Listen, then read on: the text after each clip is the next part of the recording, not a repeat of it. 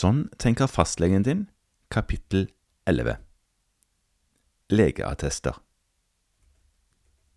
Når et forsikringsselskap ber meg om opplysninger fordi du som har meg som fastlege, har søkt en eller annen forsikring, legger det ved et ark med en signatur.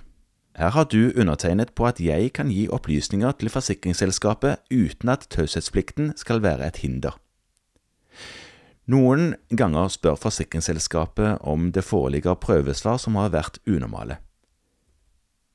Da kan det være dumt å ha tatt alle de prøvene som Frida insisterte på i et tidligere kapittel, og de MR-bildene som Scott bare måtte ta, også beskrevet i et tidligere kapittel i boka. Slike unødvendige prøver kan ende med å gjøre forsikringen din dyrere. Forsikringsselskapene bryr seg verken om hvorvidt positive prøvesvar egentlig er falske positive, eller om det er incidentalomer. De er bare ute etter grunner til å gjøre forsikringen din dyrere.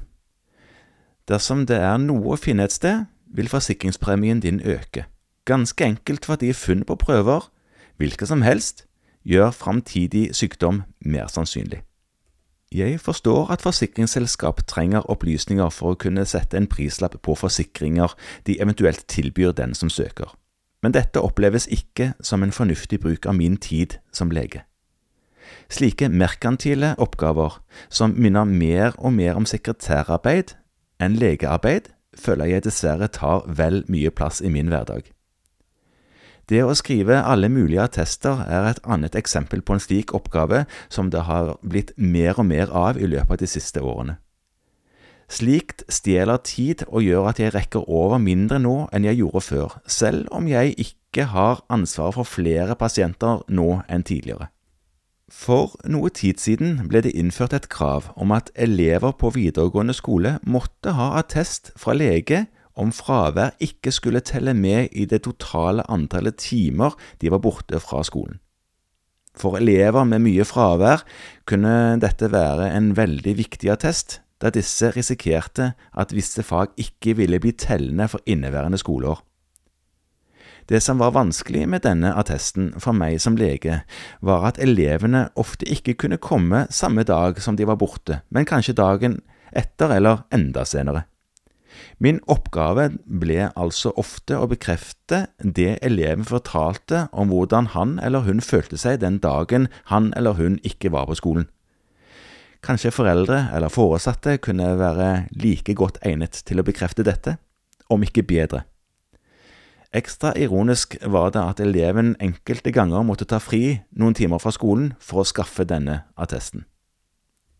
Det er mange som krever attest fra meg i dag treningssenteret fra kunden som vil fryse abonnementet sitt, den gravide som skal reise med fly litt nær termindato, en advokat som forbereder et eller annet, Lånekassen angående sykdom hos låntaker eller låntakers barn. Listen over attester jeg skriver, blir bare lengre og lengre. Til og med Nav skal ha en egen attest på bekreftet svangerskap med termindato.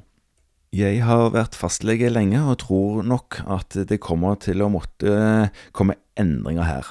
Jeg får stadig mindre tid til å være lege. Nå er det ikke slik at alle attester bør bort fra fastlegens bord. Eksempelvis er det forståelig at Nav ber om legeerklæring når du har vært sykemeldt i et år.